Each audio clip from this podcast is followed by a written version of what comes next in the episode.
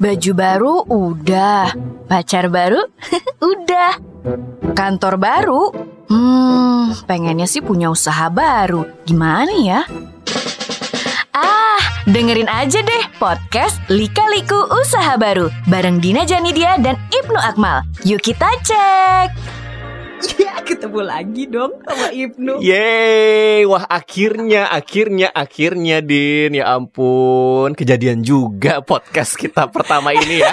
Oh berarti dari yang kemarin itu berhasil sudah naik tayang. Ini Mhm. kelanjutannya ya? Akhirnya disetujui Alhamdulillah. Ternyata kita bisa menipu ya.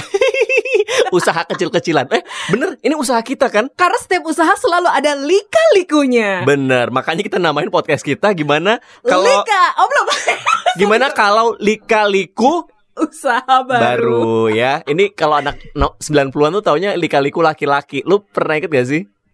Jujur Aku kan anaknya So millennial I'm sorry. Eh 90an kayaknya aku masih terlalu kecil. Karena aku tuh cuma Spice Girl. Itu 90-an kan. Nah, kalau lo inget di sinetron itu ya teman-teman ya, itu memang seru sih. Jadi lingkungan di rumah gitu, terus ada tukang sayurnya. Tukang sayurnya ngumpul-ngumpul gitu ya dan ada rentenirnya juga. Itu kayaknya jadi nyambung juga sebenarnya lika-liku usaha baru dengan Iya. lika-liku yang ada di sinetron. I- Itu kan cerita sinetron Tapi kayaknya eh, cerita sinetron juga kan gak jauh beda sama cerita sehari-hari Bener, usaha juga yang pasti dalam keseharian gitu kan. Nah, ini kan untuk memulai usaha kita, kita eh, kemarin kan sempat ngebocorin sedikit nih kayak di lika-liku usaha baru nih bakal ngebahas apa aja, termasuk Mm-mm. eh, kita datengin narasumber-narasumber atau dapat cerita-cerita dari teman-teman sendiri yang punya UKM, yang punya wirausaha gitu ya. yang mau sharing, mau Betul. cerita usahanya seperti apa, Mm-mm. perjuangannya, cerita lucunya kayak gimana gitu ya Din ya. Ini kayak banyak banget yang udah masuk ngirim DM ke kita dan seneng banget kita hari ini sudah mengundang ya. Ya, kita punya salah satu narasumber yang langsung kita datangkan, tapi masih via Zoom karena keterbatasan untuk pertemuan ini. Tapi karena kita aja jaga jarak nih. iya, 3 meter ya kalau nggak salah ya. Eh, 5 meter, Ding. kayak a- ada jurang di tengah. eh, tapi beruntung juga nih dengan adanya Zoom nih karena narasumber kita kan gak di Jakarta.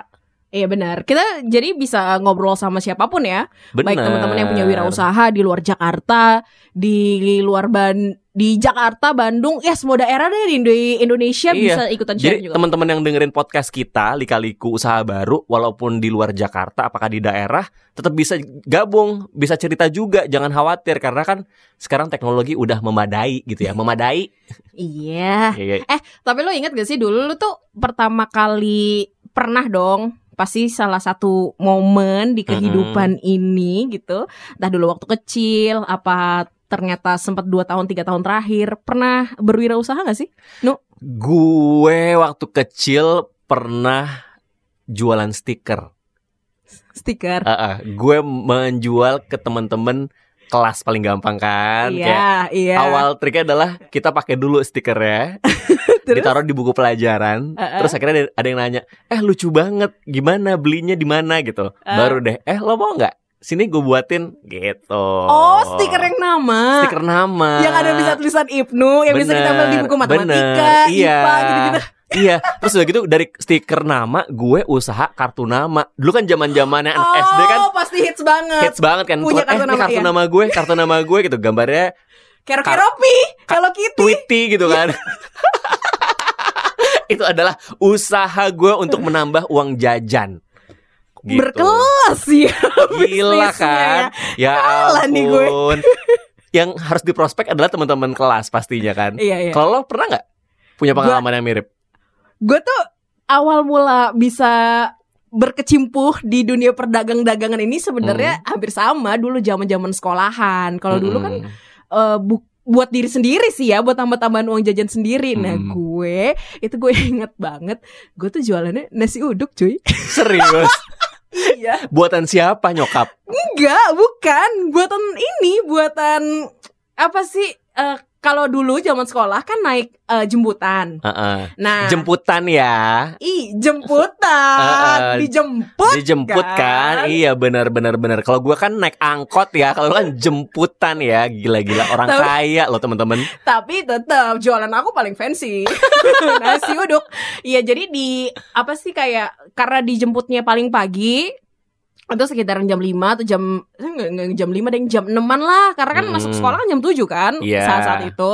Nah, udah sekitar jam 6 tuh udah mulai dijemput karena dijemput duluan nggak sempat sarapan kadang-kadang. Mm-mm. Nah belilah kita ada satu tempat nasi uduk gitu deket-deket rumah kita juga. Terus akhirnya lo melihat itu sebagai peluang bisnis. Oh yoi peluang bisnis lo cuan kan mau nggak join sama saya? Asik.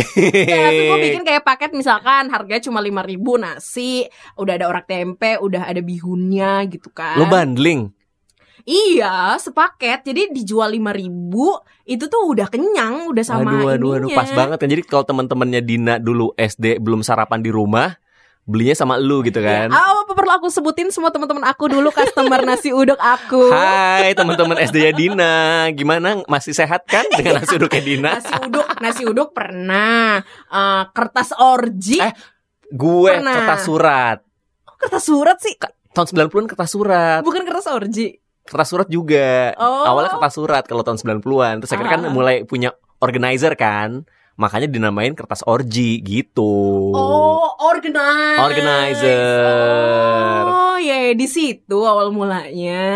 Bener. Seru ya kalau lihat ternyata dari kecil kita udah punya Jiwa-jiwa jiwa. berwirausaha. Bener, bener, bener. Kita bisa ngelihat apa yang bisa eh, gue perbuat untuk nambah-nambah uang jajan. Iya, ternyata dari sekitaran aja dulu dimulainya. Iya, simple. Zaman kuliah, eh cerita gue lebih hardcore lagi. Gue pernah jualin. Agak malu ya bongkar aib sendiri. Lu jual bareng temen lo ya? Oh, lu jual ini, jual catatan kuliah lo. Aduh, itu masih seberapa, itu masih belum parah. Apa? Gue mengumpulkan dana untuk acara kampus dengan mengumpulkan kertas-kertas bekas dan botol-botol plastik bekas. Serius? Abis itu lo jual, Gue loa. uangnya lo gunain buat dana itu? Iya. Keren, keren, keren, keren, keren, keren, keren, keren. Gila, gila, gila, gila. Tapi Ini kan emang cuan banget sih itu. bener, bener, bener, bener. Kalau itu ya. setuju, setuju, setuju. Karena kan eh, nggak banyak juga orang yang dulu nggak sebanyak kayak sekarang orang yang benar-benar peduli eh, ngumpulin barang-barang Hmm. bekas terus nanti dijadikan handcraft. Nggak kan jatuhnya kan ke Kebuang aja. iya ke tengkulak-tengkulak Iya. ngumpul-ngumpul doang kan. Ya udah. Iya, tapi memang itu yang ngebedain kali ya kalau jiwa-jiwa mental kita yang dulu yang belum terbantu dengan sosial media atau mungkin teknologi ya nggak sih teman-teman? Kalau dulu kan kita lebih effort gitu kan, ekstra berjuang untuk mikir gimana caranya bisa menghasilkan atau berwirausaha. Tapi sekarang kan gampang banget. Ada sosial media, Ah. ya nggak sih? Ada Twitter, ada Instagram. Goalsnya sih satu, Apa? cuan. Jadi itu tadi udah aku ceritain kan soal masalah yang aku punya usaha, terus kamu juga punya usaha. Tapi sebenarnya yang jadi pertanyaan kalau kita mau punya usaha tuh mulai dari mana sih? Nah, nggak usah bingung-bingung. Gimana kalau kita tanya langsung aja ke di ke Din Punya pakarnya lah, pakarnya udah dong. punya pengalaman, Iya. sudah makan asam garam. Iya, Kayak ini gimana ya rasa asam garam ya? ini sahabat saya sendiri nih. Oh, jadi Iya. saya bukan sahabat Anda. Iya, sa- kamu juga sahabat saya, tapi ini udah master ya kalau masalah berbisnis bisnisan. Ya udahlah, langsung aja kita ngobrol-ngobrol ya, teman-teman ya. Halo. Halo, apa kabar? Sebentar, dari suaranya aja udah meyakinkan kalau ini pundi-pundi cuannya banyak banget kan? Aduh, aduh, aduh, Mas Dwi Purnomo ya. Halo. Iya, halo Inu, halo, apa kabar? Halo. Baik, seneng banget nih ada Mas Dwi Purnomo teman-teman. Ini yang udah sering banget ngasih pelatihan atau training gitu ya, Din ya. Bapaknya ini tuh, bapaknya eh, u- apa? Bapaknya anak-anak. Wira iya, bapaknya wirausaha wirausaha muda. Dari Jawa Barat sampai Jakarta, keluar dari Indonesia bahkan luar negeri udah Dawa ini yang Ih, megang. Luar Gak salah biasa kan? loh. Gak salah dong tamu kita hari ini. Alright, jadi em, aku kan bingung banget nih Mas Dwi dan Ibnu juga nggak bisa memberikan solusi. Sebenarnya kalau misalkan kita kan eh, di era millennials ini tuh banyak banget yang lagi hits anak-anak muda tuh pada buka usaha semua. Bener. Alasannya macam-macam banget. Mau jadi bos sendiri, terus Mm-mm. eh, muter uang. Ya, terus pem- pengen aja gitu nunjukin eksistensi, punya ide-ide unik buat berbisnis. Nah, Mm-mm. sebenarnya kalau mau mulai usaha itu, ya utamanya apa sih yang harus kita punya duluan selain faktor kepepet? Mm-mm. Yang harus kita punya duluan sebenarnya keberanian, keberanian untuk memulai aksinya. Jadi itu Oke. yang paling sebenarnya yang paling eh, challenging ya, karena kita nggak punya pengalaman misalnya, nggak Mm-mm. punya yang lain. Yang jelas, yang paling penting itu beraksi dulu, apa pun bentuknya. Di gaspol dulu. gaspol dulu. Kayak kotak ya beraksi ya. Iya. Tapi kalau selain keberanian, modal juga penting kan, Mas? Ya, tapi modal tuh nggak selalu harus tangible ya. Modal tuh bisa intangible. Artinya kita Ah. punya teman namanya Dina misalnya. Mm-mm. Kita punya teman namanya Ibnu. Nah itu juga modal, modal banget itu bahkan. Bahkan modal-modal yang intangible yang nggak kelihatan Hmm. justru adalah modal-modal terbaik buat kita. Oke oke. Tapi kalau mau nanya soal modal yang eh, intangible ya tadi ya, Mm-mm. itu buat Mm-mm. modal yang pas-pasan itu gimana nih Mas cara menanggulanginya? Pertemanan tuh jadi faktor juga Sebenarnya- gak sih? Tempelin aja teman-teman. Iya dong.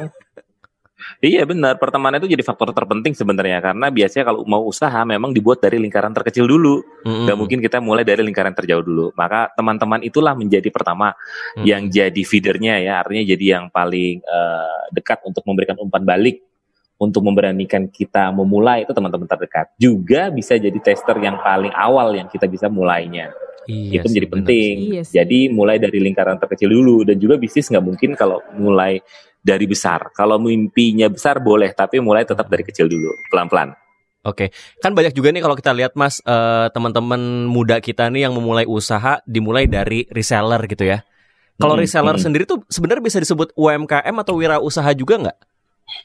Jadi uh, wirausaha itu dibagi dua ya, ada yang UMKM, ada yang IDE saya bilang. UMKM Hmm. atau Small Medium Enterprises atau SME biasanya basisnya kapital atau modal. Mm-mm. Tapi kalau anak-anak muda biasanya IDE, Innovation Driven Enterprises. Innovation. Jadi biasanya dia nggak punya modal tapi basisnya inovasi, berani Hmm. bereksperimentasi. Jadi innovation driven uh, enterprises. Jadi saya lebih senang sih kalau anak muda karena uh, dia nggak nggak kayak misalnya uh, seniornya yang selalu cari modal-modal-modal gitu, Hmm. tetapi dia tuh eksperimen-eksperimen. Jadi dia itu modalnya tuh eksperimen dan ngasilin inovasi baru. Nah ini sebenarnya modal yang paling paling jos gitu karena dia masih mau dan berkenan untuk melakukan berbagai macam eksperimen dan menghasilkan kebaruan. Inovasi. Iya, Oke. sekarang aku tahu kenapa gaulnya sama yang muda-muda terus ya. Buka kartu, buka kartu ya di sini ya. Enggak, ya biar biar ide-ide tuh selalu ada terus, selalu inovasi terus gitu kan. Nah, kalau kalau bikin-bikin usaha mulai dari kecil terus kan eh, guide-nya menggandeng teman-teman gitu kan yang ada di sekitar kita gitu. Mm-mm. Nah, sekarang kan hype-nya juga online, semuanya going online. Nah, ini tuh Ya. bagusnya startnya tuh dari mana nih? Kalau online juga sekarang lininya kan banyak banget. E-commerce kah, eh, sosial media kah, apa gimana nih, Mas? Goals-nya yang paling penting itu dimulai dengan eh, aksi, tetapi juga dia punya goals. Hmm. Eh, punya goals yang pasti sebenarnya definition of happiness-nya apa? Mm-mm. Itu yang paling penting. Jadi tiap orang itu bisa punya eh, omset yang berbeda-beda, profit yang berbeda-beda, tergantung dari definition of happiness-nya.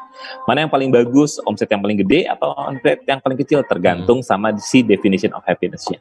Balik lagi sama orangnya, kamu tujuannya apa? Nah ini yang paling banyak nggak clear mendefinisikan kamu mau ke mana. Itu yang menjadi eh, challenge buat kita.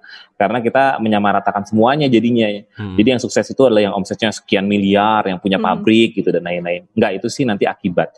Makanya yang paling penting untuk memulai itu adalah aksi nyatanya. Kemudian kita mendefinisikan sebenarnya kita maunya apa.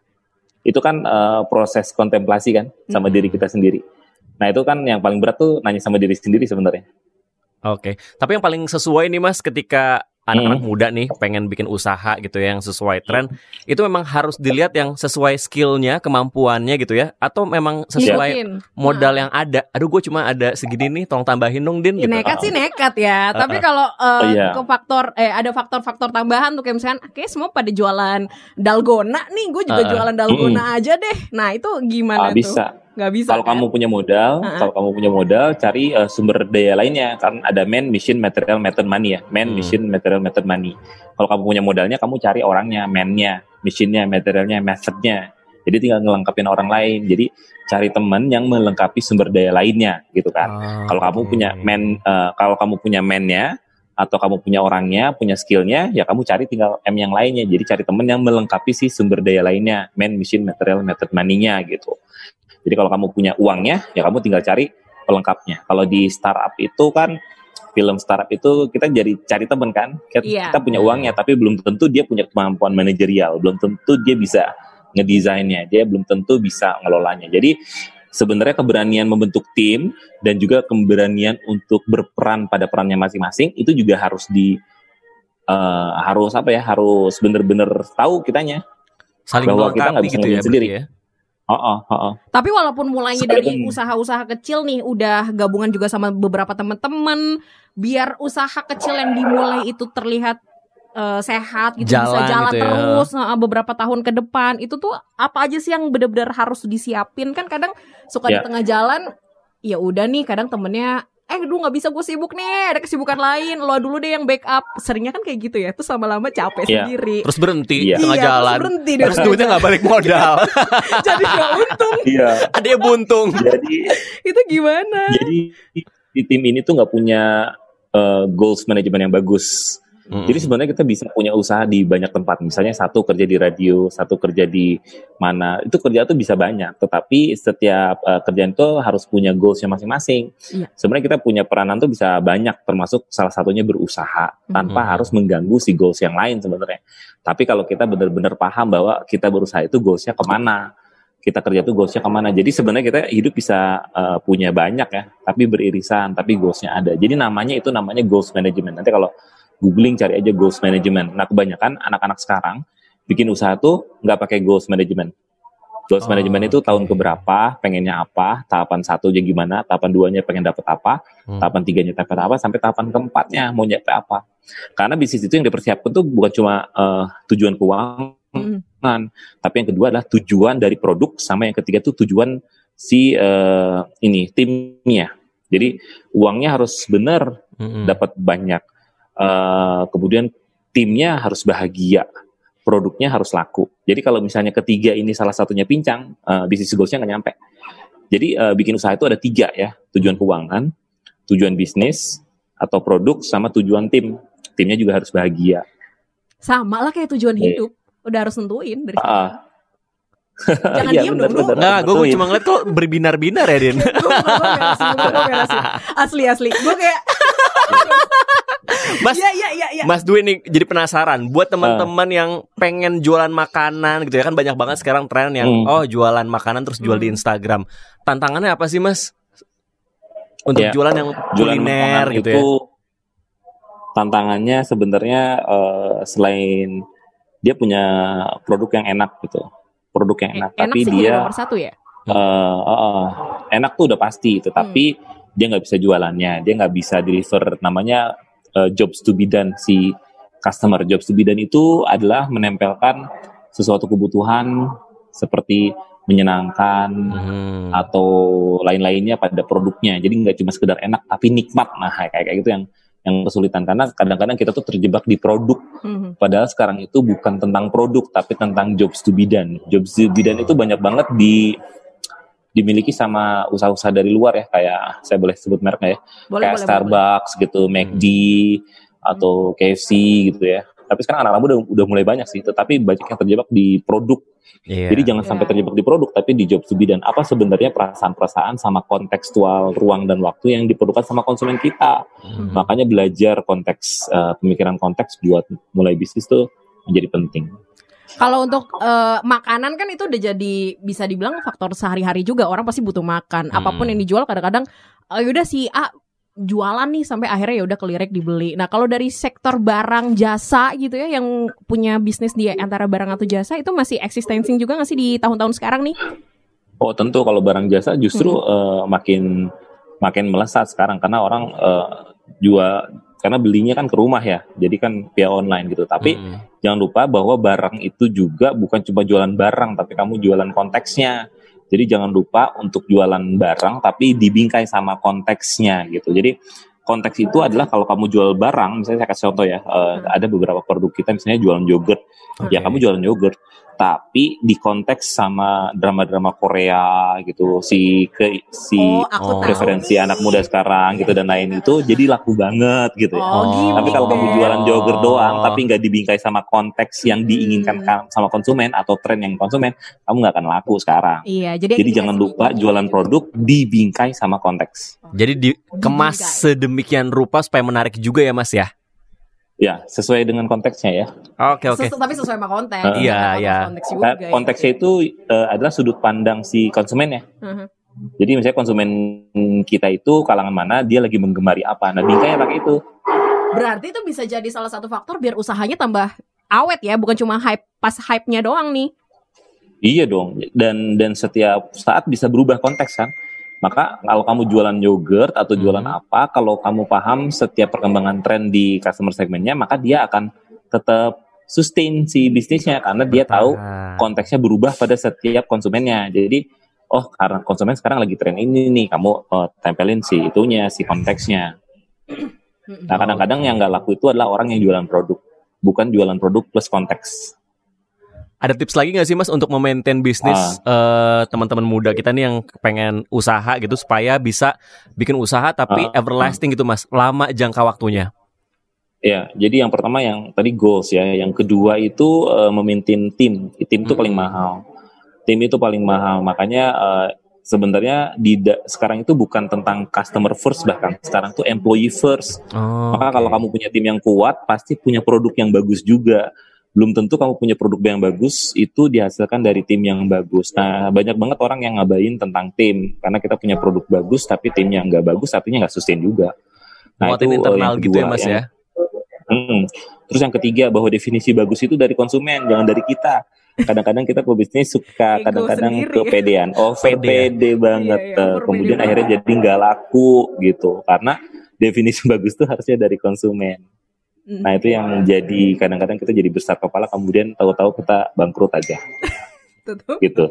Kolaps Iya gak nggak? cuan dong. Nggak balik modal dong. Iya, nggak untung dong. Oh, oh nggak untung. Jadi ngomongin balik Jadi kalau untung ya memang kita harus nurunin ego kita sama sudut pandang konsumen.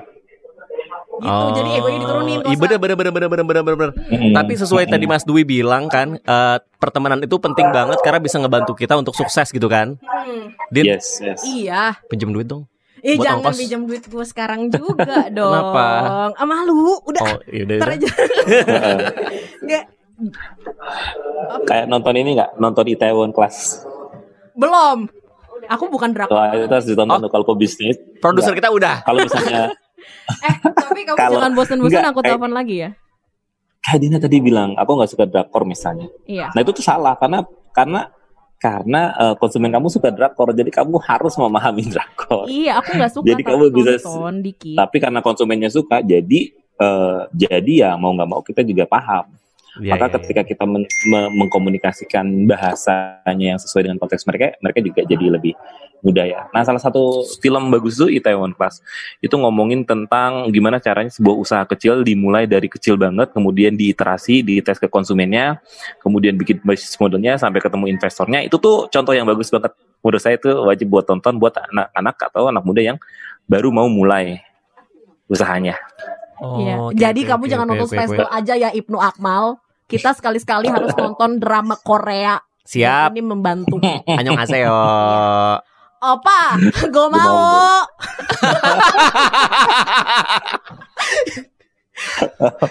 Makasih ya. Makasih Mas Dwi Purnomo. Oke.